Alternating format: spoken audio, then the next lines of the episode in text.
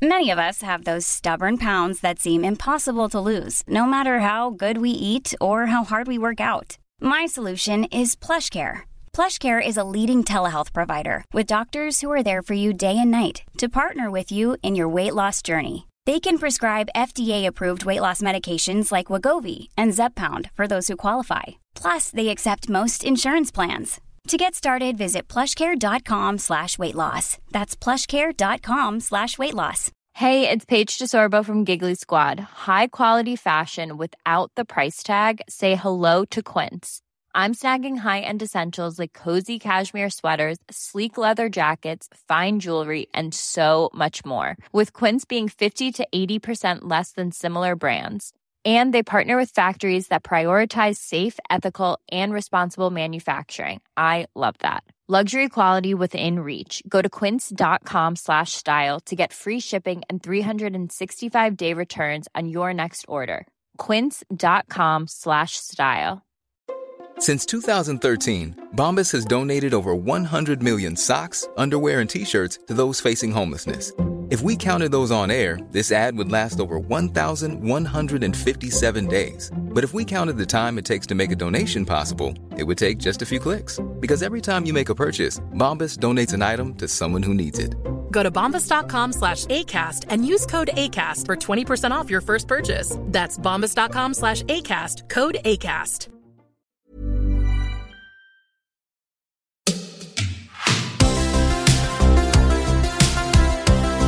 Hej och välkomna till dagens avsnitt av Denk och Berns med mig Denke och Med mig, Fredrik.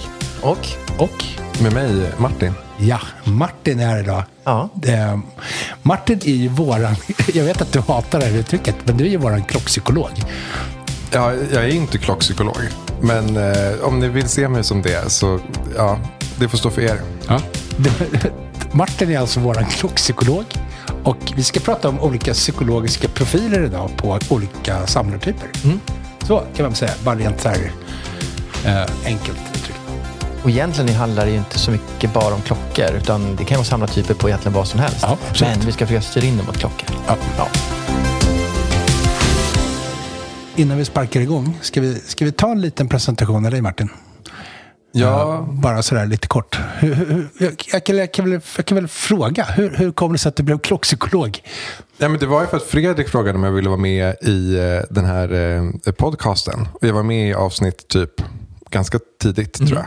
Ja. Eh, och eh, då visade det sig att jag är psykolog med ett intresse för klockor. Och då kom vi att prata lite bland annat om samlartyper. Och i det så, så blev jag, när avsnittet kom ut, eh, benämnd som klockpsykolog. Exakt. Och eh, jag har arbetat hårt för att skaka av mig det sedan dess. men det har tyvärr sl- slagit rot verkar det som. Is it a curse or a blessing? Ja, men det, är, en- det är en blessing på så sätt att jag i och med det välkommen tillbaka till podden. Vi Men jag tänker till- vi har gjort dig eh, till stjärna. Exakt. Men jag, tänker, jag, vet, jag vet inte, Socialstyrelsen, vi får se vad de, om det här kommer till deras kännedom, om de har invändningar. Men det är inte skyddad titel, klockpsykolog. Nej, faktum är att psykolog är ju inte skyddad titel, förutom i vissa verksamheter. Ja, nej, men det här med, med samlartyper och eh, psykologin bakom klocksamlandet. Jag har tänkt mycket på det och liksom, vi har diskuterat det tidigare. Jag tror mitt första poddavsnitt tillsammans med dig Denke i en annan podd. Eh, det handlade väldigt mycket om det. Så att det är någonting som jag, som jag funderar på, som jag tänker mycket på. Och jag tänker att man är kanske inte bara en typ, utan man kanske tillhör lite olika typer också. Kanske byter mellan olika perioder och sådär. Så att, mm, det här tycker jag är intressant. Jag tänker lite på dig Martin. Du är ju inte bara psykolog och klockpsykolog. Du är ju också klocksamlare. Klocknörd. Ja, det här pratade jag och Fredrik också lite om sist. Att jag, det här med när är man samlare och när är man liksom entusiast och nörd och så. Men jag har absolut ett, ett eh, stort och växande intresse för, för klockor. Men ska vi börja där och faktiskt prata om när blir man en samlare av någonting? Att försöka bena ut det först. Jag, tänkte att vi, vi, jag tänkte att vi skulle bena ut allt nu på 45 minuter. Men, men vad, vad, vad säger du Martin? När, när är man samlare? När, när kan man säga att man börjar samla på någonting? När övergår det liksom från att bara vara... Ja, men det är en jättebra eh, fråga. En, en liksom relevant fråga då är vad, vad, vad krävs för att någonting ska anses vara en samling? Ja. Samling för ju, samling för ju mina tankar till eh, någonting med en, ett ganska stort antal. Alltså det ska vara många av någonting för att det ska anses vara en samling. Eller åtminstone många av, liksom det på, i förhållande till hur många man kan tänkas ha av den, det, den saken.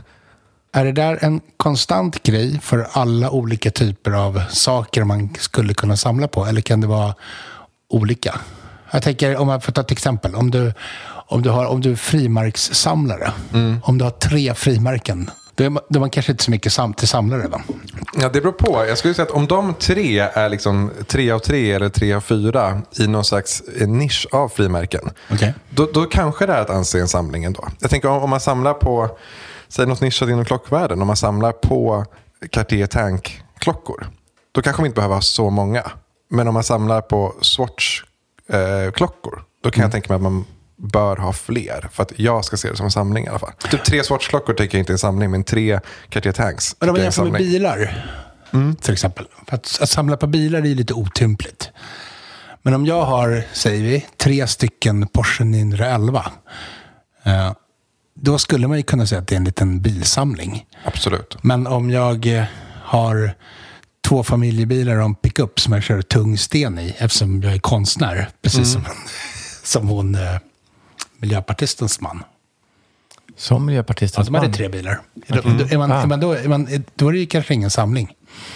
Nej, jag är inne på samma spår. Jag tycker också att, låt mig komma in på vad, vad jag tycker utgör en samlare. Det handlar också om eh, någon typ av målinriktat eh, beteende. Man vet Alltså- varför. Ja, eller man har, man har, ja precis, det är genomtänkt. Alltså någon som köpt två familjebilar och en pickup för att köra stenar, de har antagligen inte gjort det för att bygga någon slags samling. Däremot någon som köpt tre 911 har antagligen eh, liksom en plan eller har i alla fall planerat det. Men om jag sammanfattar lite grann. Alltså för att det ska vara en samling eller att man ska vara en samlare, då, det handlar lite grann om volym. Hur många man har. Eh, för få, då, då faller man ur liksom, kriteriet.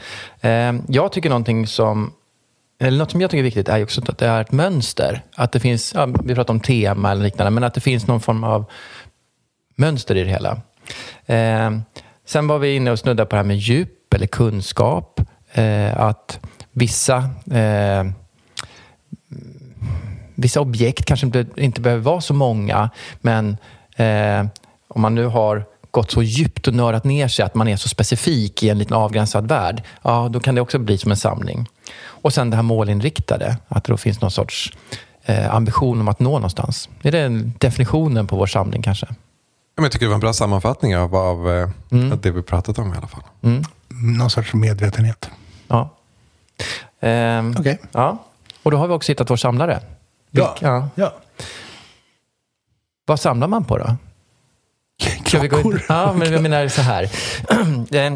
Nästan alla av oss har ju samlat på olika saker och man kanske också växlar de här sakerna över tid. Eh, det finns många som har, jag tror jag har en gammal frimärkssamling uppe på övervåningen och eh, eh, man kan ha samlat på kanske mynt eller eh, simborgarmärken eller något liknande. Man har det här samlarbeteendet sen man var liten, att det ingår i att skapa de här mönstren och så vidare. Det här, är, det här är intressant. Just frimärken tycker jag det är lite intressant. Eh, Martin, du är ju inte riktigt lika gammal som Berns. Nej. Yngre än Royal Oak. Du är yngre än Roy- Royal Oak. Ja. Har, har, har, har du ägnat dig åt frimärken? Ja, eh, kort som liten. Det var nog i, i jakten på just någonting att samla på. Jag tror det fanns en ganska bra startkit eh, där man liksom fick lite random eh, frimärken och en sån här liten bok. Och sen så, jag tror det fanns också någon liksom Pokémon-kortsaspekt i det. Att det, var, det fanns alltid en liten chans att i den här eh, påsen med blandade frimärken så kunde det finnas någonting eh, värdefullt. Så då, var det, då hade man ändå lite motivation att plocka ut och sortera eh, i de här. Liksom. Men eh, ja, jag, jag fastnade inte riktigt för det. Det där, vet du, jag kommer att tänka på någonting när du sa det här med Pokémon. Att det finns ju den, kanske det moderna sättet att samla. Det är lite den här gamifieringen. Att i spel eller de här Pokémon Go och så vidare, att man samlar på digitala saker. Likväl som vi gör, när vi pratar om samlingar nu tänker vi väldigt mycket fysiska saker. Men att även i de här olika data lösningar, dataspelen och, och mobilappar och så vidare, så handlar det mycket om att de samlar på sig. Eh, allt kan vara poäng eller pengar eller så vidare, men, men det är en form av samling. Och att det Typ också som att är, de samlar på bitcoin. ja, men, då, men, men även om du, om du spelar spel, när det handlar om att få till... Ja, men, min kära fru har ju fastnat i ett spel där man ska eh, vara bonde och, och bland, liksom, samla på, jag vet inte vad de samlar på, grödor och, och allt vad det är. Ja, Och du har för länge sedan avslöjat att du var ju på med, med vad heter det här, när man bygger en stad digitalt. Ja, SimCity, ja. absolut. Och det är också Yes. en form av samlande. Du bygger upp någonting och du Ja, ja, skapar visst, något så- sådär. så det. Så där har man ju också det här, fast det är helt digitalt. Så att det måste ju vara en, någonting som triggar oss att göra. Mm. Eh, Det är inte bara något vi hittar på just här och nu, utan det ligger lite medärvt i att vi vill samla på saker. Nu tittar ni på mig. Exakt. Jag tänker, jag, jag skulle ändå vilja skilja... eh, skil- Ställ diagnos, det är därför du är här. Det är därför jag är här. Eh, Men jag tänker att, att jag skulle ändå vilja skilja på att samla poäng som en del i ett spel eh, och, och samla frimärken eller bilar eller Pokémon-kort eller klockor. Jag tänker att det är ganska olika grejer. Där Poängen är ju en del av, av mekaniken i ett spel.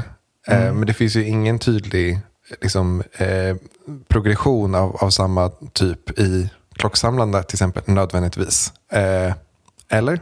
Mm, men det finns en risk, något som man kanske inte riktigt ser, tänker jag. Det är ju att om då poängen är samma sak, om vi ska säga att det är samma sak som de här klockorna vi samlar på, eh, så eh, problemet är att ett spel tar ju slut när du har fått ihop dina poäng, när du når mållinjen. Och då är det inget kul längre i spelet. Risken finns ju att det finns samma mekanism i ditt klocksamlande. Att om du vet när du är klar, om du har, vi har pratat om Dirty Dozen som är 12 stycken klockor, eller om du har en annan avgränsad samling. När du nått målet så kanske spelet är slut. Att det finns en sån risk i det. Att du tappar intresset för det för att du är klar. Är ni med på vad jag tänker? Ja, absolut. Jag tror att det, det där är ganska intressant. Jag tror att det, jag skulle kunna tänka mig att det är något, något slags eh, gräns eller vägskäl för, för folk som börjar eh, köpa eller samla, bära, eh, liksom ha klockor, hantera klockor på ett eller annat sätt. Att, att antingen köper man en klocka som är sin klocka och sen så är man klar. Eller så köper man tre klockor som är sina klockor och eh, sen är man klar. Eller så tar det aldrig slut. För det är ganska uppenbart, tänker jag, bland många av de som vi känner, eh, att, att det inte behöver ta slut. Utan att, att eh, liksom jakten på nästa klocka och köpa och sälja klockor och, och allt det kan vara en del av, av intresset. Liksom. Ja, men det- just i klockfallet för vissa så blir det väl så att man klockorna blir kanske lite mer sekundärt över tid. Sekundärt över tid med klockor. Det var, Ah. det var eller? Pun intended. Eh, nej, men att, för, att, för att man, det börjar fylla liksom andra funktioner. Eh, men jag tänker så här, om jag pr- pratar med Eh, ta som eh, min kompis Britta Rosander som är klockjournalist till exempel, som arbetar med klockor och har gjort så länge. Hon, hon och jag har pratat om det där, för jag jobbar ju också med klockor. Liksom. Um, och det blir att man, behovet av att äga klockor och så ha en egen samling blir mindre. Därför att man han, håller på med det så mycket så att, så att det liksom i, i jobbet. Vilket gör att, att det blir liksom inte samma behov av att äga. För man, man kan liksom fraternisera med de här klockorna ändå. Så man behöver liksom inte ha dem hemma, utan man kan... Ja, liksom, eller, eller så kanske man kanske kan uttrycka som att charmen i, i det dör lite. Därför att det blir ett jobb istället, kanske. Jag vet inte. Men att det jag är ute efter lite här att det, det, det som från början var liksom ett, ett så här hardcore klockintresse. Man hängde på olika klockforum för att prata om klockor. Över tid så, så lär man känna massa människor och man kanske börjar jobba med det lite mer professionellt. Och då blir liksom klockorna, finns där som någon sorts fond. Men det är inte själva klocksamlandet i sig som driver det framåt längre. Utan det kanske liksom, mm, jag vet inte vad jag pratar om. jag tar tillbaks. Nej, men det där är intressant om man jämför återigen med, med frimärkssamlande som jag kan väldigt lite om. Men min bild är ändå att det ofta handlar om volymer. Alltså att man har ganska många frimärken. Eh, man kanske samlar frimärken från ett land eller någon tidsperiod eller liknande skulle jag kunna gissa. Men eh, jag undrar hur mycket man hänger på liksom, frimärksforum. Eller lyssnar på, Biljettist.se. exakt, frimärkspoddar och så vidare. För det, det tänker Finns jag, det? Jag vet inte, det måste vi nästan kolla upp. Vi kanske kan göra en sån crossover-avsnitt Mhm. där. Men där är det ju återigen uppenbart att jag tänker för oss tre, om jag får tala för oss alla tre och folk som vi hänger med så är det ju klockorna som man kanske har Mm. en ganska liten del, eller i alla fall inte en, en jättestor del i klockintresset. Utan det handlar ju om att läsa om klockor, och skriva om klockor och prata om klockor och Mm. fotografera klockor och samla på sig olika typer av klockupplevelser och klockminnen. För det, var, det var nog det jag ville komma fram till lite grann. Att det, att det här klocksamlandet kanske f- handlar, mer handlar om ett klockintresse till slut. Ja, jag tycker det är jätteintressant eh, eventuell åtskillnad där. Man kan ju vara intresserad utan att samla. Ja, det. Det, det, det har jag sagt i flera sammanhang. att Det tycker jag är en av de roligaste grejerna med eh, klockor. Att som intresse så är det inte samma tröskel, eh, liksom ekonomisk till exempel. Eh, I och med att man kan ägna sig hur mycket som helst åt klockintresset utan att ha en enda klocka egentligen.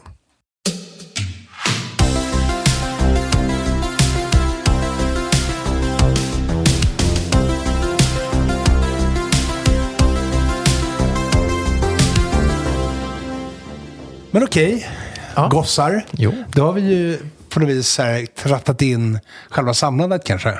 Ska vi prata lite om samlartyper och, och kanske börja göra, låta vår klockpsykolog Ja. få Dissekera. komma med ytterst professionella omdömen och analyser av de olika typerna. Kör. Jag tycker så här, om vi ska kategorisera samlartyperna. Du har gjort det här i din bok, så att vi tar dem i tur och ordning. Ska vi ta, vi tar dem ur boken? Ja, Okej. rakt upp och ner. Och vilken bok? Eh, en bok som heter Klockor, modeller, märken och nörderi. När skrev du den? Oj, det var flera år sedan. Ja. En gammal bok. Ja. Gammal bok av en gammal man. Ja. Men eh, ändå en gammal man som inte är riktigt lika gammal som Berns.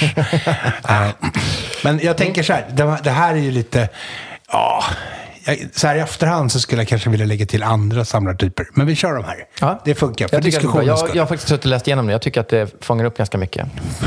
För första gången så har Berns läst en bok och Jag inte vet. bara tittat på bilder. Ja. Rubriken i alla fall. Men, men här, här, jag, jag benar ju ut ett antal så här samlartyper. Jag sköt lite från höften, bara sådär allmänt. Och då tänker jag att det finns ju då några... finns det någon sorts samlartyp som man skulle kunna kalla för finsmakaren. Då tänker jag att det är så här, de här samlarna som tillhör de lite högre kasten i eh, klocksamlandet. Ja, Berns, vi tittar på dig. Nej, men lite fin klockor sådär. Um, vin, gärna fin vintage. Så här, ska, ska, ska jag läsa? Ja, ska jag? lite intro på det varje. Det är jättetrevligt. Ja. Eh, finsmakaren tillhör den högre kasten inom klocksamlandet. Både för att det krävs respektingivande mängd kunskap för att verkligen kunna plocka ut godbitarna och för att många i denna kategori samlare har fantastiska samlingar som är en fröjd för alla klockintresserade att beskåda. Ofta handlar det om samlingar och imponerande vintagemodeller från de största tillverkarna eller fenomenala temasamlingar. Oavsett så kännetecknas finsmakaren av en drift att alltid hitta de absolut bästa objekten vad gäller skick, svåråtkomlighet och ofta exklusivitet. Exempel på klockor som samlas av finsmakaren är vintage Rolex, vintage Patek, vintage-lyxur från exempelvis JLC eller Cartier, gärna i ädla metaller. Omega Speedmaster Professional Pre-Moon. Och så vidare och så vidare och så vidare. Typ så. Är, det, är, det en, är det en korrekt samlartyp? Finns de här? Ja, jag tror det. Alltså, det är väl en typ som alla, jag ska inte säga alla vill vara, men det är väl en, en, liksom en, en bra grupp som man tycker om att se den typen av samlingar. Ja. Eh, sen, sen är det ju en samlartyp som kanske behöver mycket pengar för det de ska köpa. Alltså om jag samlar på Mer Swatch. pengar nu än vad man behövde när jag skrev boken. Exakt. säga. Mm. Nej, men om man samlar på Swatch så kan man ju gå ganska vilt fram eh, utan att man behöver riskera så Ja. mycket pengar. Men i det här så kanske du måste vara väldigt noga för du kanske inte har råd att köpa mer än någon enstaka klocka här eller där för att de är så dyra. Så, så det kan ju också sätta ett spår i det hela.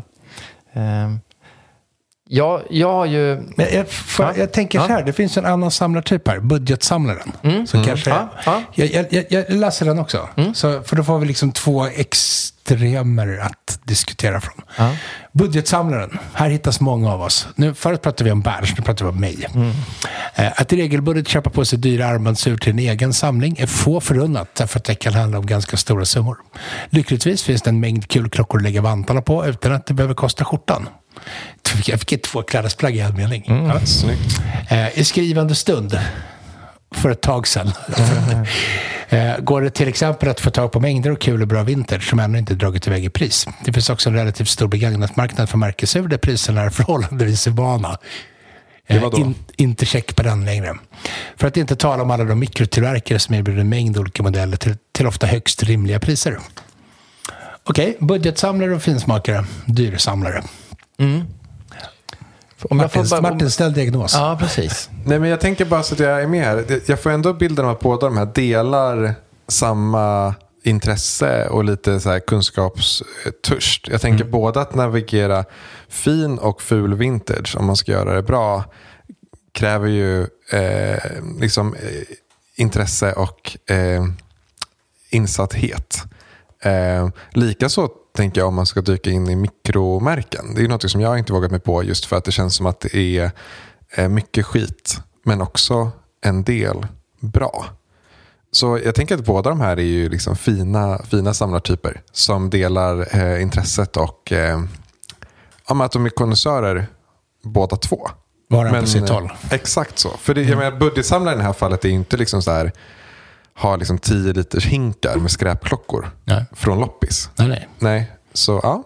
Nej, jag tycker att båda kan, eh, kan bära sitt eh, klocksamlande med, med stolthet. Kan man säga att det här är två väldigt genuina samlartyper inom klock klockor framförallt? Men vet du, jag, om jag ska tycka någonting om de här så kan jag tänka att finsmakarsamlaren kanske är en mer osäker samlare. Man går på en väg som är allmänt accepterad, som redan är eh, upphöjd till så som man borde göra.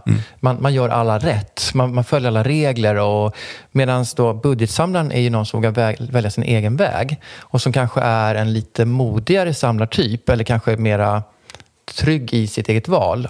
Nu, jag pratar ju ner lite Ja. grann hur jag själv har... Och höjer mig. Ja, jag höjer dig. Det här är hemskt. Men just att våga, att våga följa det är ju mycket svårare egentligen. Och det är lite om man kan ta klädstil eller vilket som helst. Mm. Att våga ha sin egen stil är mycket modigare än att följa de här reglerna. Och, men jag har ett inspel här faktiskt. Jag, kanske, kanske tog upp det här när vi pratade om det här med liksom bekräftelsebehovet i samlande för några, några avsnitt sedan. Men jag tar det igen i så fall. Det förtjänar att upprepas.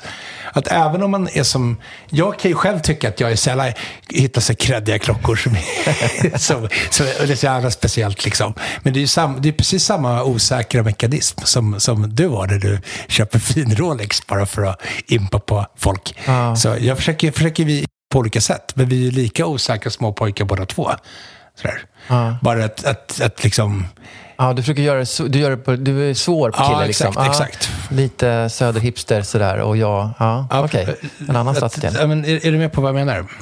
Men förlåt, inte det här, nu beskriver ni ju två andra samlartyper lite väl? Alltså berätta. klockhipstern och den ångestfyllda eh, finklockesamlaren. Jag tänker, Ah. min, när, när du Denke läste boken så fick jag inte liksom, bilden av de här två eh, konstiga typerna. Nej. Men visst var det välformulerat i boken? Det var, absolut, och det var välformulerat av er live också tänker jag. När ni beskrev er själva och varandra. Ja, men Men- kom, nu, du, Ma- Martin, du är ju så väldigt ung så du minns väl knappt 90-talet. Fanns det ens då? Äh, men- Knappt, alltså. Jag var, var inte så, glimten jag var inte i- medvetet närvarande. Nej, det var glimten i mjölkburets öga. Eh, Sure. Nej, men, ja, men, men ehm, det, förlåt. Det är okej. Är Okej, Da- här får Daniel tajta till det lite. Ska jag klappa eller? Ja, Okej, bra. Eh, klapp. Så, det, det, jag- det, jag tänkt, det, det jag skulle vilja jämföra med när jag pratar om det här, liksom, klockhipster är bra ord.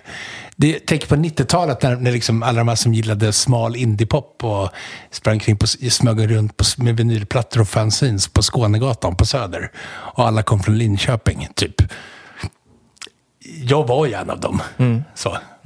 På mitt eget sätt. Liksom. Men då fanns det väl ändå de som också faktiskt genuint bottnade i det, eller? Ja, precis. Men det, Ja. nej, det fanns det inte. inte, inte, ens, inte ens typ Andres Locco. det var ju bara... Det var ju, nej, det, nej det, fanns, det fanns det ingen faktiskt. Okej. Det, nej, det, Men, men något som jag kan tänka på när vi pratar så här. Vi pratar ju om de här samlartyperna eh, som kategorier av samlare. Sen pratar vi kanske lite grann om hur, varför de samlar, alltså lite bakgrunden till. Och bakgrunden kan vara väldigt olika och så kan man hamna i de olika grupperna ändå. Jag kanske är den osäkra typen och då sorterar jag in mig under fin, fin, vad kan man, finsamlargruppen.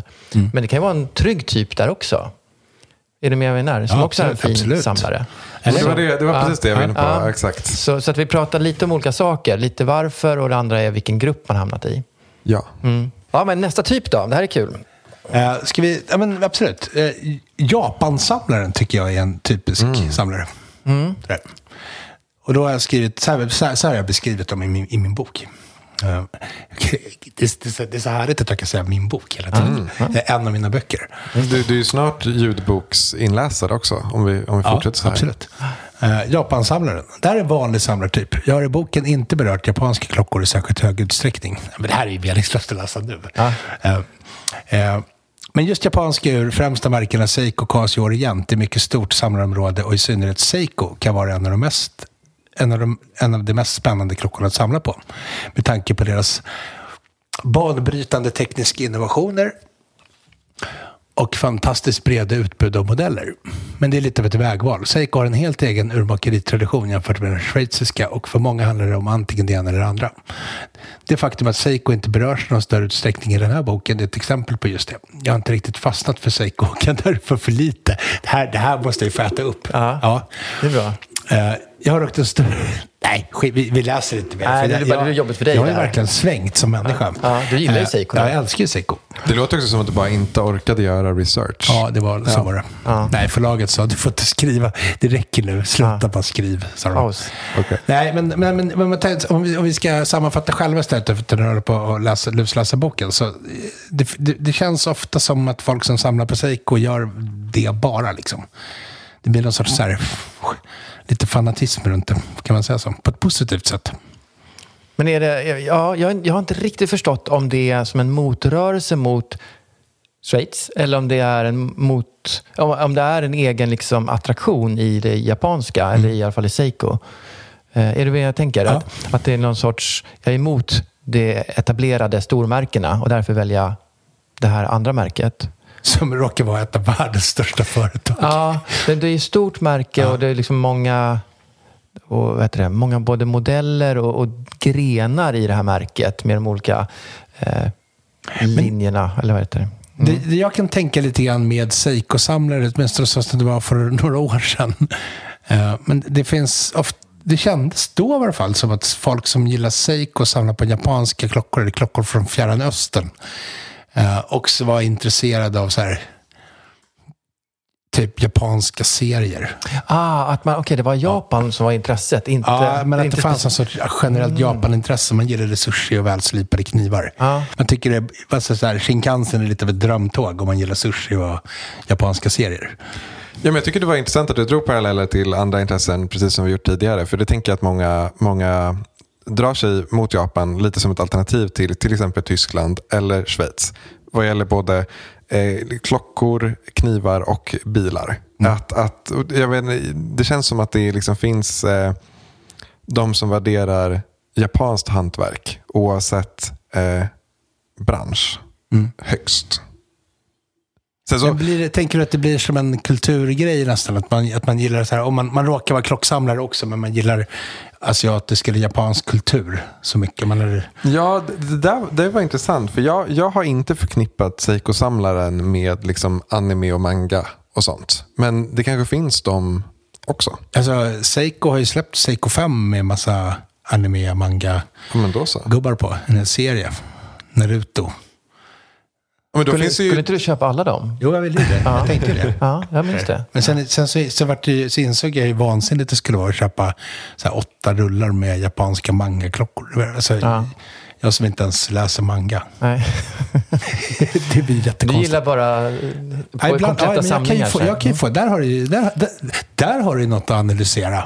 Analyze that. Nej, men jag tänker då, alltså absolut. Dels ett intresse för eh, liksom japanskt hantverk i, i synnerhet, men också kanske japansk kultur i, i allmänhet. Men för, för, att ta, för att ta exempel.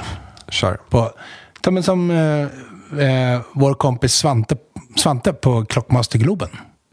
Som har dels inte bara varit en av de som har krigat in Grand Seiko och Seikos mer spännande modeller på den svenska marknaden. Han är ju också väldigt intresserad av japanskt hantverk. Samurajsvärd och, och sånt. Gillar han manga och anime? Det vet jag och, inte. Det vet jag inte. Men jag vet Men att är inte han det mer gillar... åldersskillnad då? Att eh, manga, så Kanske. det är liksom mera yngre? Alltså, nu kanske någon tar illa upp. Någon, Ja, det är väl sant. någon åldrad Ja, manga. manga-entusiast. Ja. Gillar du manga, Martin? Nej, jag läste manga när jag var, när jag var mindre. Alla läste ju Dragon Ball-serien. Ja. Och det var ju liksom, det var ju den här enkla bokserien. Ja, jag tycker är. Ja. Fredrik ser ut som ett... Fortsätt bara, fortsätt bara. Vad tänker du och jag? Vi är nästan jämngamla. Ja, det, ja faktiskt. Vi är, vi är nära. Vi är nära. Ja, det är.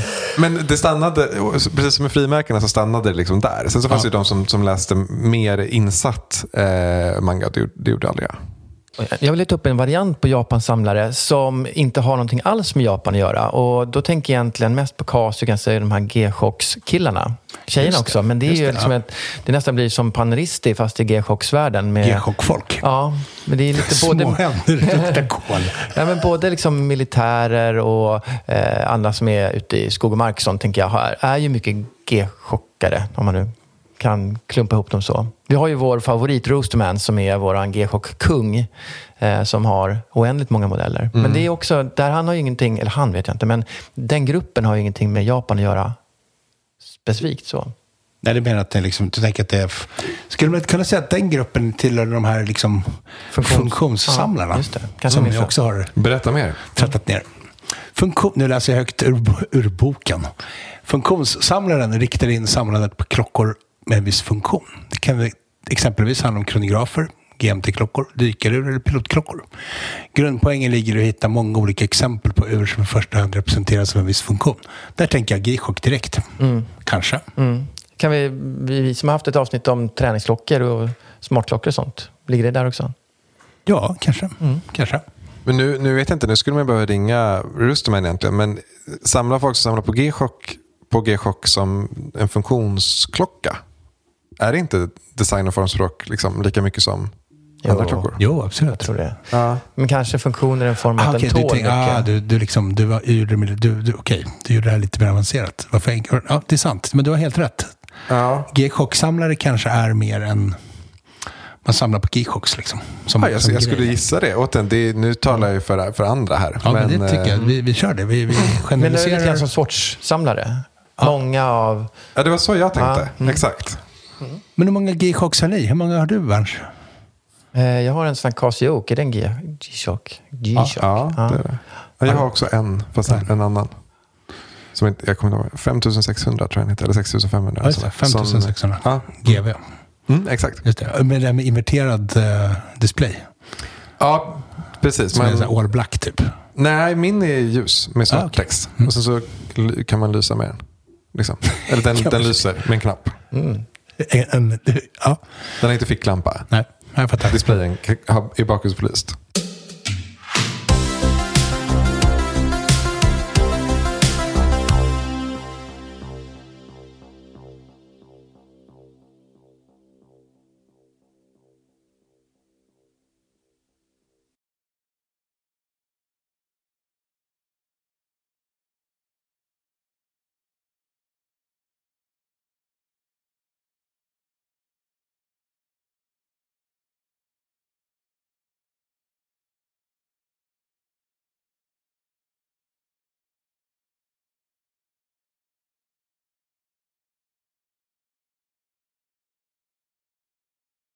Det är, alltså det är lite svårt när man kategoriserar upp samlare så här. För att man, de går ju väldigt mycket in i varandra.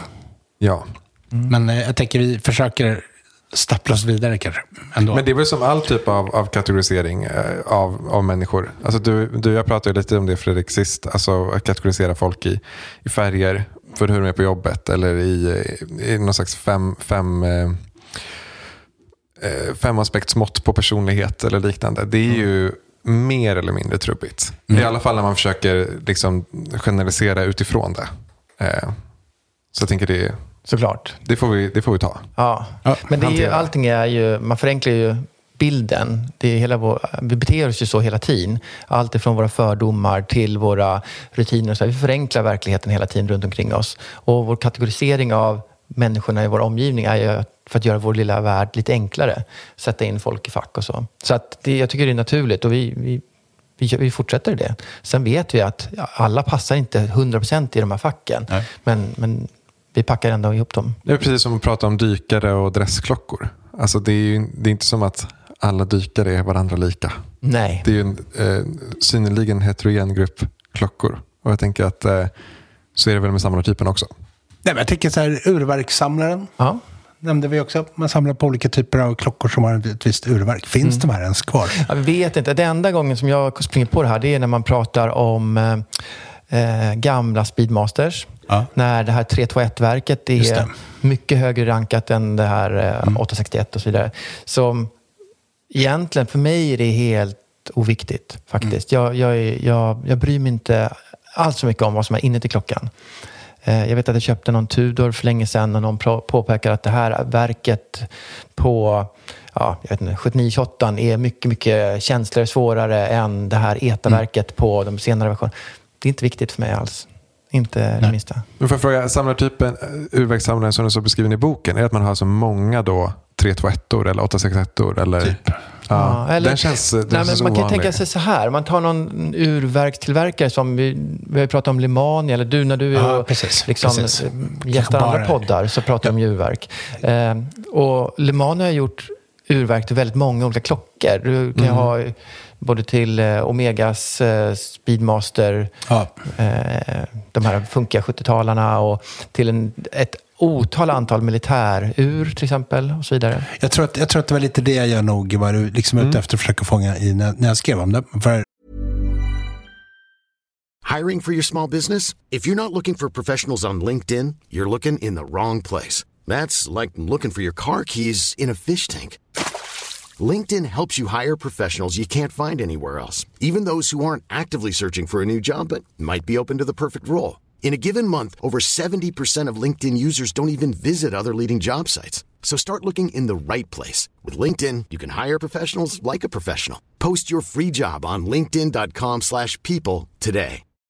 Millions of people have lost weight with personalized plans from Noom. Like Evan, who can't stand salads and still lost 50 pounds. Salads generally for most people are the easy button, right? For me, that wasn't an option. I never really was a salad guy. That's just not who I am. But Noom worked for me. Get your personalized plan today at Noom.com. Real Noom user compensated to provide their story. In four weeks, the typical Noom user can expect to lose one to two pounds per week. Individual results may vary. Jag tänker lite grann så att just det här med Lemania är ett bra exempel. För Lemania är ju väldigt poppis. Mm. Um, som urverkstillverkare. Eller Zenit El Primero-verk. Liksom. Exakt. Mm. Ja, jo, det är sant. Det är sant. Mm. Sen har jag också någon, jag har någon sån här fördomsfull bild också av att det finns en gammal generations klocksamlare. Sådana som är mycket äldre än Berns. Mm. Som, uh, som sitter ute i, i men då hamnar du väl i fickursgänget? Nej, det, nej, nej, nej. Jag tänker på de här som gillar gamla stämgaffelverk från Omega. Ah, okay, okay. Ah, som ah. kanske inte ens existerar. Nej, alltså, nej. De, alltså verken mm. existerar, men de människorna. Kan inte de höra av sig om de lyssnar på podden? Så ja. Det vore ju kul att höra. Mm. Ja, en så, men någon sorts, eh, liksom, gamla generationer, eller ja, en generation bort liksom.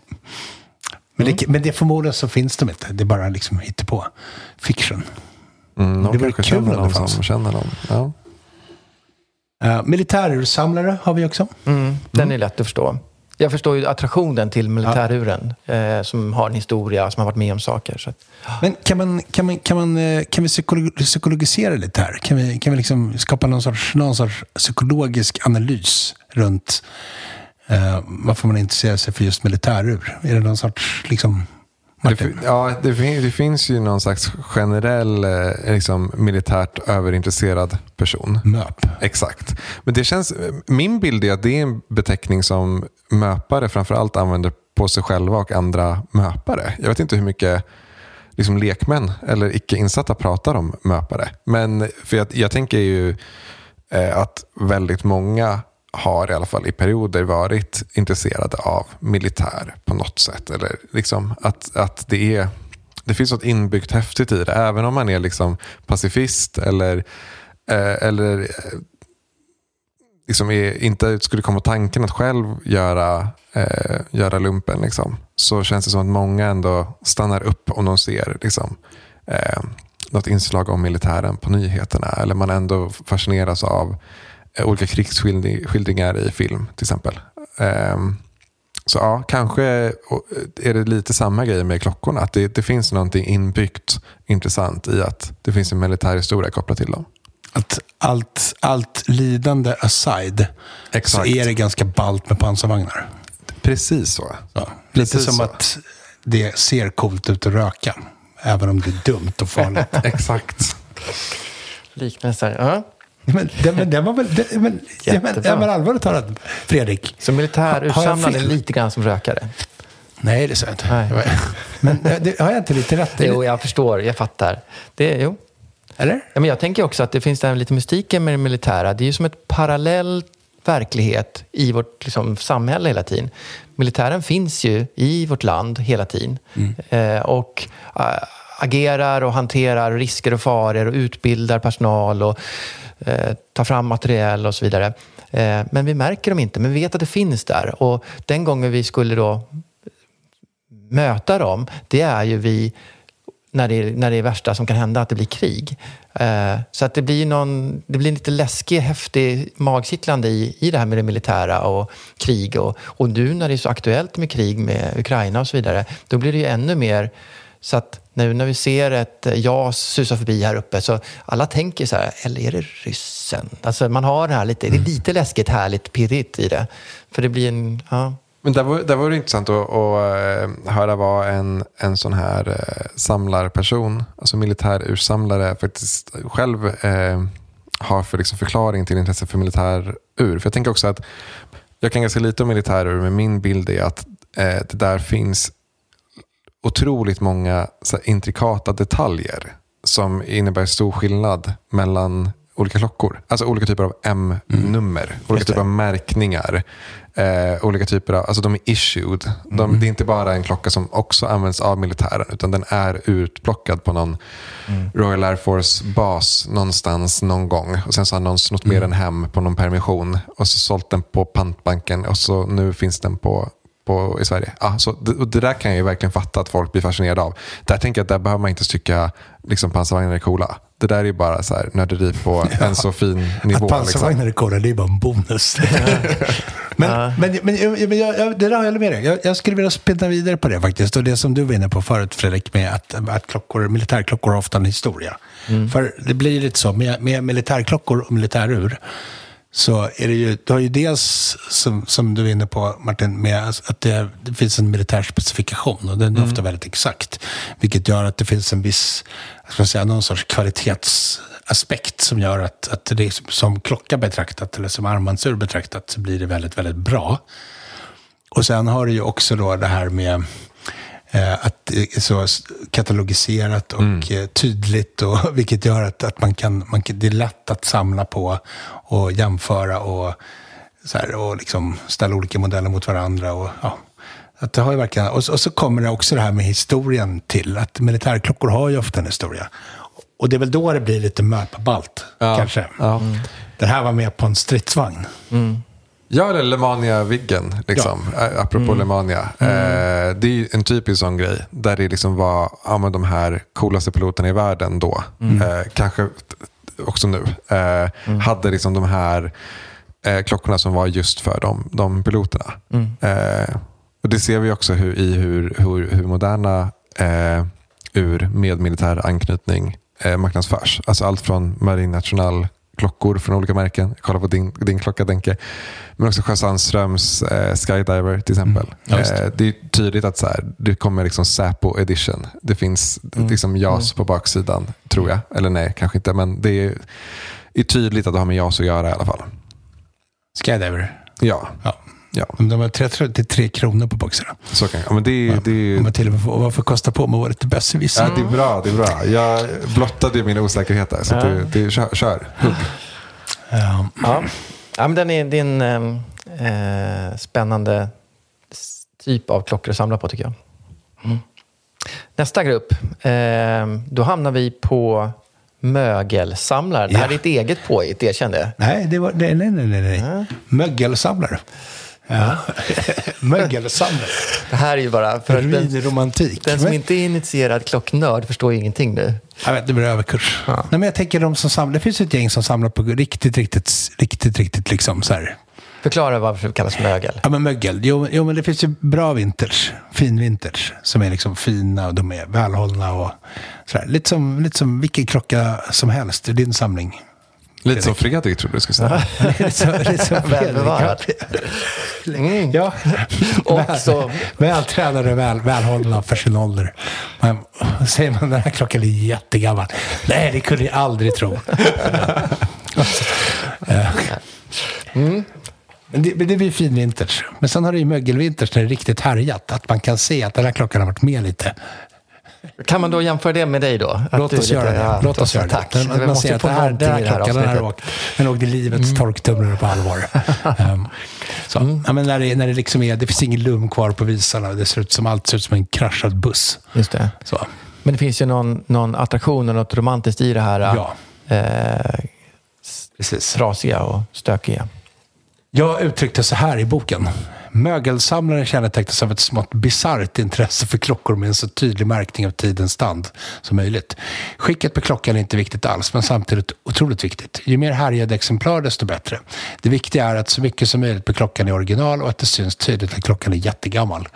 Mögelsamlarens våta dröm är en orörd och gravt fuktskadad klocka från mitten av 60-talet. Vissa kallar detta för ruinromantik. Fint. Och det säger faktiskt en hel del om hur inriktning för dessa samlare ser ut. När en annan samlare ser en svårt skadad klocka som inte är värd att ens undersöka närmare så ser ruinromantiken en vackert patinerad bit historia som är väl värd att ta tillvara, vårda och älska. Det krävs här en hel del kunskap och fingertoppskänsla både för att hitta och kunna ta hand om de, här, de där bortkastade vraken som de flesta av oss andra in, knappt ens vill ta i med tång.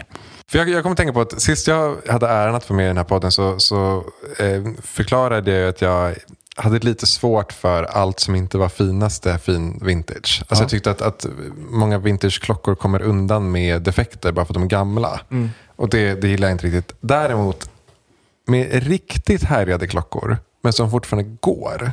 Typ bra, gärna mycket originaldelar. Det, där finns det ändå något något coolt, även i mina ögon. Alltså när de har varit, eh, verkligen varit runt och ändå eh, tickar.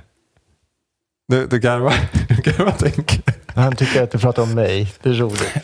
Nej, ja, men förlåt. Men bara fortsätter det. Jag, jag håller med. Jag, ehm, jag, jag kommer ihåg att när jag hade mina träningsklockor eh, på, då fanns det nästan som en, ett självändamål att de skulle vara slitna. För att visa att man har man har tränat hårt och på tuffa platser eller du vet, snubblat i på grusstigen och sånt där.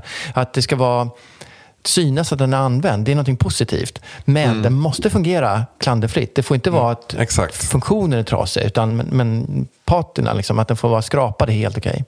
Men det här har vi pratat om förut Fredrik. Faktiskt just det här med att, att det är en del av klockan, en klockans historia. Att Ja. den har, man ser att den är man, man, Och är det en klocka man själv har haft så när man var ny så vet man ju liksom när man fick en viss repa. Och sådär. Det gör ju liksom sitt till för om man som du och jag som gillar klockor med historia. Mm. Absolut. absolut. Sen håller jag med dig Martin. Det, det känns ofta som att man, man tar defekter och så, så ja, vrider man och vänder på det så att defekten framstår plötsligt som någonting som är premium. Och då tror jag att vi nämnde det här med Spider Dial och så vidare. Ja, Krackeliga exakt. tavla blir, nej det är inte en trasig tavla, det är premium. Den är ju, och så vidare. Att man lurar sig själv lite. Men jag är ju tyvärr i det lite grann. Det finns vissa defekter jag älskar. Som en tavla som har gått från en svart till brunskimrande eller vad heter det, nyanser. Så det tycker jag är jättefint. Eh, Så att, ja, vissa saker tycker jag verkligen om när det blir defekter blir bra saker. Mm. Det var möglet. Det var möglet. Ja, vilken är din mögligaste klocka, Denke, som du har ägt? Som har ägt. Ja. Jag köpte faktiskt en... Det, jag köpte faktiskt en jättegammal Anycar Sherpa GMT. Mm. Från, från en indisk säljare. Ja. Och det är ju så här, bara det är ju varning. ja. Eh, Men jag, kunde, jag tyckte mig nog kunna se att den där klockan var liksom original. Men den var ju sjukt härjad. Det ser ut som, tänk att man tar klockan och lägger den i vatten länge. Och så tar man upp den. Typ så. För så, den var verkligen så liksom riktigt, riktigt, riktigt härjad. Men den var, men den var, den var liksom jämnt skadat. Så det, var, det kändes som att den här klockan har de fiskat upp ur en sjö. Och sen liksom servat upp lite så att den går. För, så att jag vågade faktiskt köpa den. Jag betalade till och med ganska mycket för den för att vara indiska mått mätt. Eh, Men, Är det så Ebay-shopping då? Eller? Ja, var på Ebay. Yes. Men då, men, då, men då ska jag säga det, då visste jag nog, tror jag, vad jag gjorde. För att det, Just för att den här klockan, det, var, det stämde allting på den. Eh, allt stämde, visare, tavla så. Och det, och liksom, det var jämnt slitet och så. Så det var liksom inte något ommålat. Men den var riktigt, riktigt jäkla härjad. Var den häftig att ha på sig då? Tyckte Ja, det var den. Ja. Det var den. Det var, den var ganska ball faktiskt. Men sen så, så flippade jag den till en, en riktig mögelsamlare som jag känner. Okej, ja. En, han, han, och han är så här hardcore mögelsamlare. Där är det riktig ruinromantik. Um, så han, och han, det var, han, han var jätteglad. Så. ja, coolt. Ja. Du då Martin, har du haft något riktigt mögligt?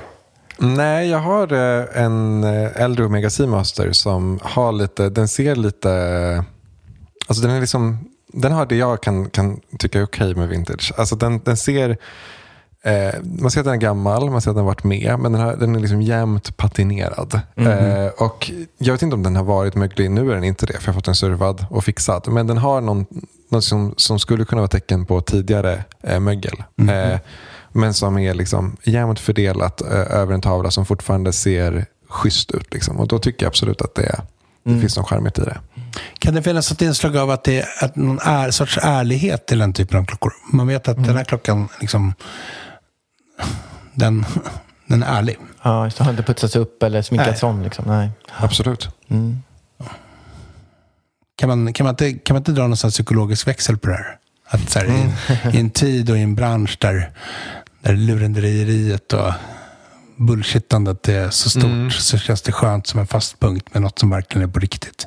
Det genuina och så vidare. Jag funderar också på, alltså jag tycker att, att många i alla fall, när- när jag började intressera mig för klockor för, för tio år sedan, eh, typ, så upplevde jag att de, eh, alltså min inkörsport var ändå delvis vintage. Eh, däribland den här Omegan som jag precis nämnde. Och jag upplevde att många, som, många i min ålder då som blev intresserade vid samma tidpunkt kom in lite på samma spår. Jag tror att det är andra som har eh, konstaterat det. Att mångas första märkesklocka var en äldre 50-60-tals Omega. Då var ju de också väldigt överkomliga. Men eh, där funderar jag på om man ska dra någon psykologisk växel på det. Att det kanske var något fett med att vara 20 och ha en klocka som var liksom 40-50 år gammal.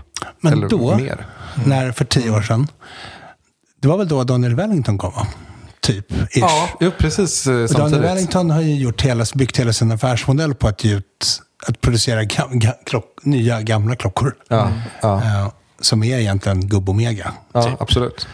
Eller så här, de ser ju verkligen ut som sådana här eh, Certina förtjänstklockor. Eh, mm. Fanns det ett sånt inslag när du köpte din första Omega? Hade du haft Daniel Wellington innan? Eh, Erkänn. Aldrig haft en Daniel Wellington. Eh, och det har faktiskt arvegods. Det kanske också är, därför jag låter den passera mitt liksom annars vin- vintage-filter. Eh, men det, det är klart att det tillförde någonting också. Att det fanns en, en, en eh, väldigt... Eh, alltså en historia som gick att ta på. Eh, verkligen. Ja, men det är exakt. Det där det tilltalar ju mig jättemycket. Det har vi också pratat om du och jag. Eh, att få ärva en klocka. Det blir, ju, det blir ju all den här historien, men upphöjt i två nästan. För att det är din egen historia, eller din egen släkthistoria. Så att det, ja. Fin, finns den samlartypen i din bok, tänker jag? Liksom provenienssamlaren? Nej. Nej. Nej. Det, det finns det ju ändå kanske tycker. Alltså, Fredrik, du har ju lite sådana tendenser. Bland annat en av, en av eh, eh, klockorna som du skrev om i Denkes andra bok. Eh, 12 klockor. Tredje. Ja, men eh, en annan av Denkes många böcker skulle jag ha sagt. precis. Ja. Där, Ja, men där, där var ju providensen liksom ett tydligt intresse för dig, om jag, förstod det, om jag förstod det hela rätt. Jag ska bara säga det att där, i den boken skrev ju Fredrik mer än vad jag gjorde. Jag var bara lektör för den. Ja, just det. Du ska, ja. Det var två kapitel, jag hade bara ett. Mm, stämmer. Eh, nej men exakt, det, det är ju det är jätteroligt. Och det kanske roligaste var ju att försöka göra researchen på den. Att ha en liten aning om vad det var och sen så gräva så djupt man kom omkring Ja. just det exemplaret och den historien. Så. Eh, och jag, så fort jag hör om de här sakerna så fastnar jag för det jättemycket. Så jag gillar det. Mm.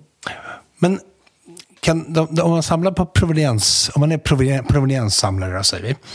eh, kan, finns, det- finns, finns, det ett, finns det någonting som är, hur ska man uttrycka det? Det är ju inte ens egen historia, det är någon annans historia. Spelar det någon roll? Jag tänker att det är olika grejer. Alltså att man antingen köper då en, en ny eller relativt ny klocka och sätter sin prägel på den. Eller just att man, man är fascinerad av, av det, det liv en, klock, ett, en klocka levt innan den kom i, i ens händer. Liksom.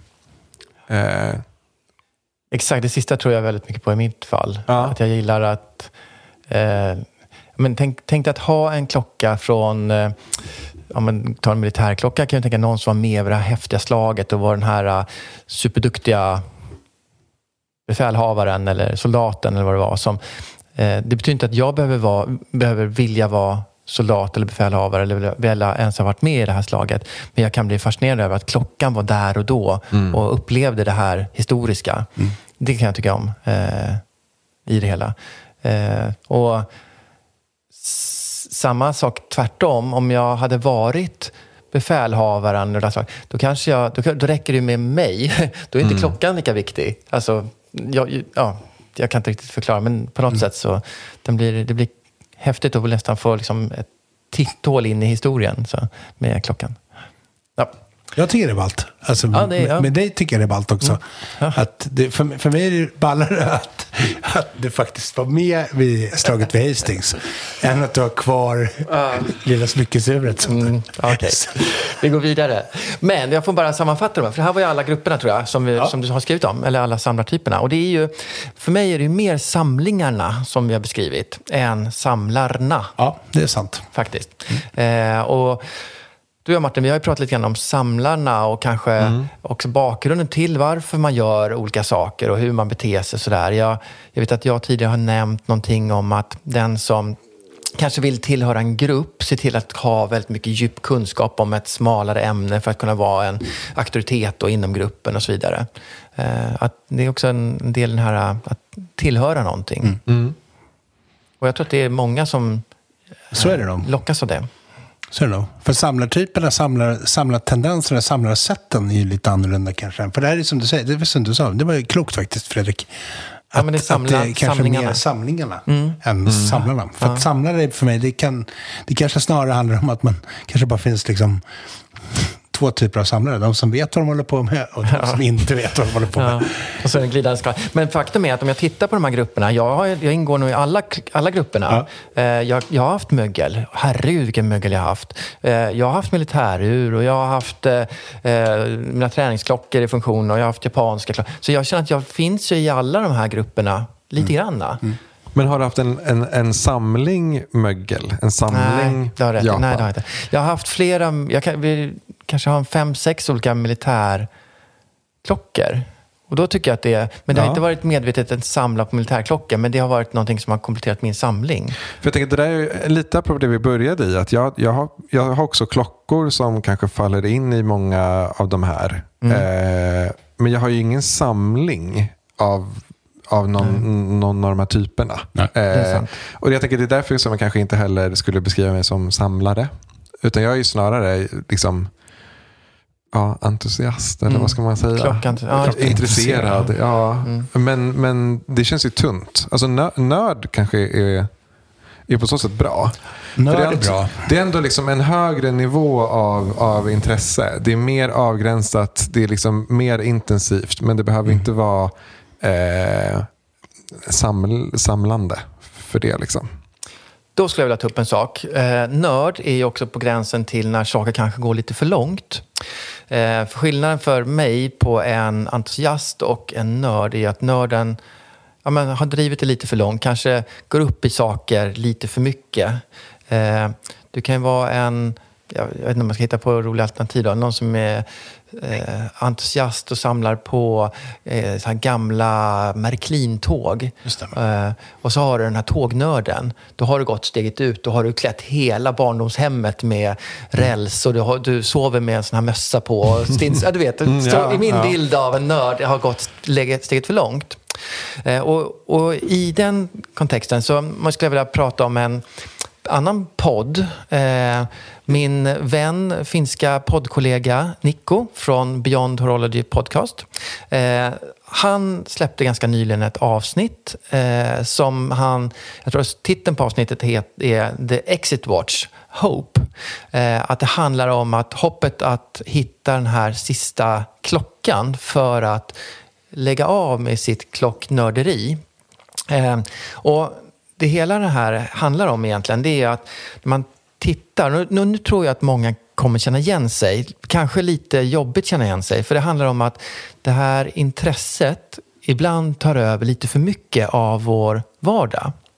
Eh, om man tittar på hur ofta vi kanske i våra mobiler, datorer eller liknande scrollar i flöden bland klockor, tittar på köp och säljannonser, inne på Facebookgrupper och kanske både skriver och läser om klockor eller i största allmänhet håller på och pular med våra klockor i olika former så är det en väldigt stor del av liksom den vakna delen av, av dygnet. Eh, att vi fyller någon form av tomrum med det här eh, klocknörderiet. Eh, och det som han också pratar om i den här podden, eh, det är lite grann att vi skulle behöva någon form av detox. Han tar faktiskt upp OVG som, som jag har hållit på mycket med under mars månad, som ett sätt att lite grann få den här detoxen eller minimalismen att kanske komma ur den överkonsumtionen av klocksamlandet eller klocknörderiet. Eh, det är ju också det här problemet inbyggda i att man aldrig är nöjd. Man strävar efter nästa och nästa och nästa. Eh, också lite den här gamifieringen, att man får en kick av köpandet. Men sen så fort du har fått kicken så strävar du efter nästa kick och nästa.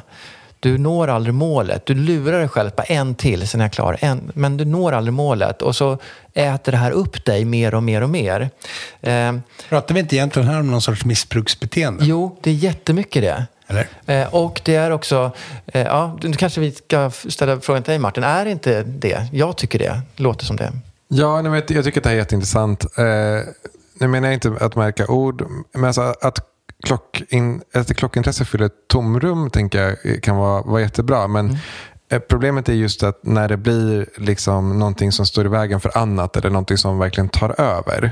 Eh, och jag tycker absolut eh, liknelsen vid eh, annat, höll jag på att säga, missbruk är, relevant. Tänker. När klockeriet liksom blir en flykt undan annat. Det är Ja. väl det som är liksom, där man inte vill hamna. Och Där tänker jag att det kan vara precis samma sak med hasardspel till exempel. Alltså man börjar spela eh, för att man tycker det är kul eh, och eh, det ger en kick. Exakt. Och eh, man kan ju till och med, om man har tur eller är skicklig, tjäna sig en liten hacka på det. Men jag tror för de som fastnar i det, och nu uttalar jag mig inte som en eh, liksom expert på spel, eh, spelmissbruk, men det kan ju ganska snart vara så att det inte längre handlar om pengarna. Utan att det, eller för den delen om, om det roliga i, i, i spelet. Utan att det handlar om dels att stilla en typ av rastlöshet med nya kickar. Men också att undvika någonting eh, besvärligt. Eh, och då spela istället för att uppehålla sig. Liksom. Och där vill man ju absolut inte hamna med, med sitt klockintresse. Det, det är ju en, en mardröm. Mm. Men jag tror att man, eller jag tror, jag tror att många är där utan att kanske förstå det. Att det är den här lite, man, eh, om man går tillbaka till, till Nico och hans podcast så pratar han om att man har den här lite rädslan för att det ska bli tyst. Att det inte ska finnas den här ständiga inflödet av stimuli i vår vardag. Eh, han pratar om någonting som han kallar för es- escapism, escapism alltså flykt escapism, eller man ska översätta det direkt. Eskapism. Eskapism. Escape. Escape, alltså flykt. Eller, Ja, det är väl eskapism. Ka- Jag Vet inte. Ah. Go- googla Här får vi det. googla. Men det låter som undvikande i varje Ja, fall. exakt. Precis som, Ja, precis som exakt. jag var inne på. Undvika Ja. något istället för sträva mot något. Att det här är...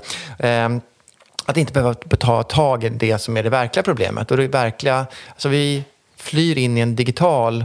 Eskapism är verklighetsflykt, ja. Ja, perfekt. snyggt. Men då är det snyggt. Bra. Besserwisser-tänkare. Mm. Ah, Jag kände ju att jag är ändå, förf- jag är ändå författare. Ja, det är sant. Då, ordet ligger nära där. Ehm, Och besserwisser. Tack. Ja, ja nej men, och, och det här då. Eh, det finns mycket i det när, man, när jag lyssnar på han. Och det är ett ganska kort, kort podd. Den är bara en 8-10 minuter som man pratar om det här i en monolog. Eh, och det finns mycket jag känner igen mig i. Hur man beter sig. Och det kanske också är nyttigt att höra lite grann. Att man... Eh, Många använder det här lite grann som lite verklighetsflykt. Eh, det här klockskrollandet. och eh, köp och säljsajterna som man är inne på 20 gånger per dag, 30 gånger per dag eller och så vidare och ännu värre. Eh, och det är inte ett, kanske ett sunt beteende även om vi inte uppfattar det som ett problem. Ja, nej, ja, jag tänker att alltså, man måste tänka funktion eh, liksom, med det här beteendet precis som alla andra. Alltså, går jag in på Instagram och scrollar, om det så är liksom, klockor, bilar eller någonting annat, för att unna mig det? Eller gör jag det för att undvika någonting annat? Och, och liksom, det är ju där, det är den stora skillnaden tänker jag. Och likaså om det är eh, liksom Ebay-klockor eller Hemnet eller Blocket-bilar eller någonting annat. Ja, liksom. absolut, absolut. Men jag tänker att själva verklighetsflykten behöver inte vara något negativt i sig. Alltså det, är väl, det, för det, är väl, alltså det är inte konstigt att man tittar på en, på en bra film eller liksom... Um, alltså man, man, Absolut. Att man bara... bara för att, man, man skulle ju inte stå ut annars. Nej, men jag tänker att, alltså, att, att, att liksom någon, någon timmes förströelse med något annat när man har lagt barnen på kvällen behöver väl knappast vara ett problem i sig. Problemet blir väl som du är inne på Martin, när det blir att man försöker göra det istället för att fly från något. Liksom. Bara, det bara blir flykt, kanske. Ja, men jag tänker både som sagt funktionen av beteendet men också liksom när det går till eh, överskott eh, och något annat går till underskott. Alltså när man gör, när man gör för lite av något annat. För att man gör för mycket av, av klockor eller bilar eller något annat. Men kanske också det du var inne på när det gällde den här spelmissbrukaren. När man har börjat spela för att det är rolig, lite, lite verklighetsflykt, någon timme sådär efter barnen har gått och lagt sig. Så spelar man kanske. Eh, jag är så långt ifrån där så det kändes väldigt främmande för mig. Men, men varför inte? Det, det är ju också ett nöje. skrapade hög med triss. Ja, Liksom. men, Nej, men det men- ser man ju. Alltså många av de, de liksom nätkasinon som, som finns nu marknadsför sig själva som någonting att göra. Det är någonting man kan ägna sig åt i väntan på bussen. Liksom gå in och Mm. spela lite. Det är, det är ofta väldigt små insatser eh, och relativt små vinster. Då. Men det, det är inte, står inte så himla mycket, eller inte alls så mycket på spel till att börja med. Liksom. Men att sen då det, det lustfyllda i spelandet försvinner och att det sen blir något annat som driver en. Eh, Ja. Och det kan ju då översättas också i klockintresset. Att det som var lustfullt från början sen inte drivs av lust utan av något annat. Ja. Eh, Och då, då, det kanske är det tråkigaste, för då har man ju tappat sin Hamnar man där verkligen? Alltså, kan, man, kan, man liksom, kan man utveckla den typen av, av vad ska man säga, negativt beteende kring en sån banal sak som klockor? För att klockor bjuder ju egentligen inte på... Alltså, är, är det, kommer vi se... Skulle, skulle, skulle, skulle det liksom vara aktuellt att, att ha stödgrupper för klockmissbrukare? Liksom? Eller, eller, eller är det att ta för stort grepp på det? Liksom? Ja, kanske att jag Jag liksom... jag vet ja. Det finns, väl, det finns säkert sådana som köper klockor istället för att köpa mat till bordet, eller vet mat på bordet och så. Alltså, men det tror jag är, Mm. då är det kanske inte klockorna i, klockintresset som är det stora problemet, utan något annat beteendefel. Jag tänker också eh, alltså att klockor känns ju lite för långsamt. Liksom Till skillnad från eh, hasardspel eller att, att liksom kolla på, på TikTok istället för att att göra det man inte ska göra. Men jag kan säga, jag har också lyssnat på det här podcastavsnittet och jag tyckte först också att så, här, shit vilka, vilka stora växlar han drar på någonting som känns som ett väldigt osannolikt missbruk. Men när man lyssnar på honom så låter det som att han genuint upplever att han har haft problem med det här och behövt begränsa det Just och det. mår bättre i det nu. Eh, så eh, ja, uppenbarligen tänkte jag. Eh, Eller utifrån det, det lilla jag hörde av, av podden. Liksom. Ja, men det är en annan del av det hela, liksom, att det finns pratar om det positiva i de här olika samlargrupperna, men det finns ju också en baksida om det, saker går för långt, som alltid. Men eh, det är i alla fall, vill jag rekommendera, Beyond Horology Podcast. Eh, mm, trevlig kille, bra podd. Ja, och, och väldigt ärligt eh, segment. Ja. Modigt, tycker jag, att snacka om. Mm.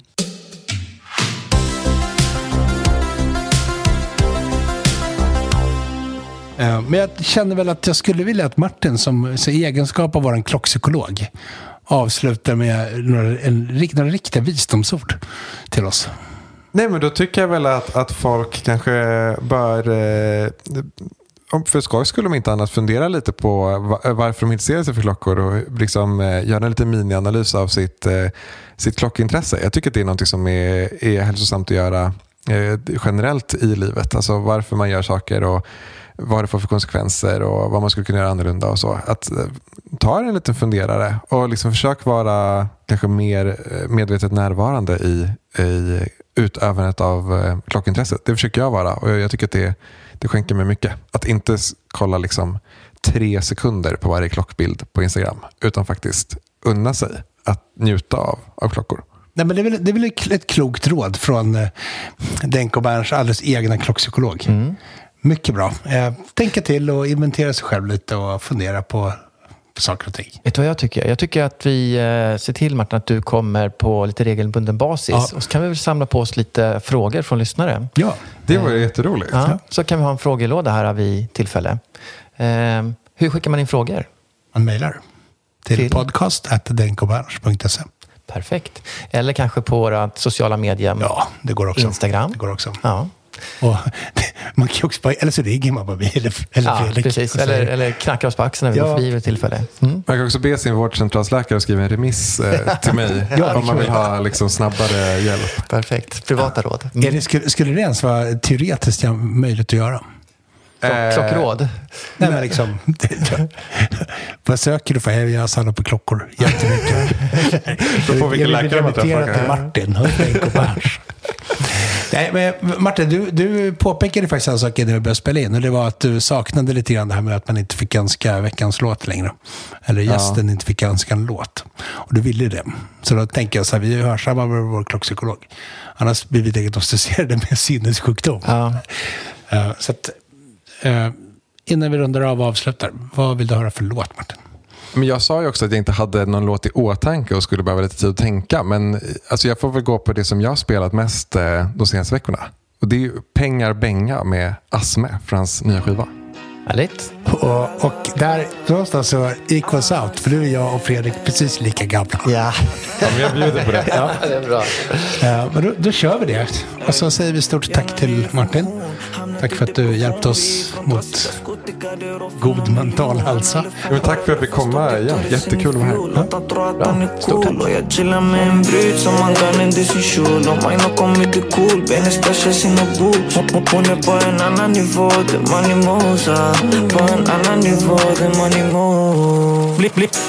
Lite startad utav gränningen.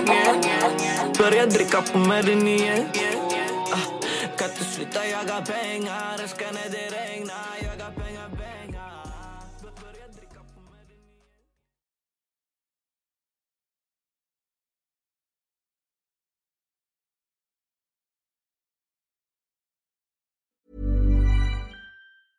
Even when we're on a budget, we still deserve nice things. Quince is a place to scoop up stunning high-end goods for 50 to 80% less than similar brands. They have buttery soft cashmere sweaters starting at $50, luxurious Italian leather bags, and so much more. Plus, Quince only works with factories that use safe, ethical, and responsible manufacturing. Get the high-end goods you'll love without the high price tag with Quince. Go to quince.com/style for free shipping and 365-day returns.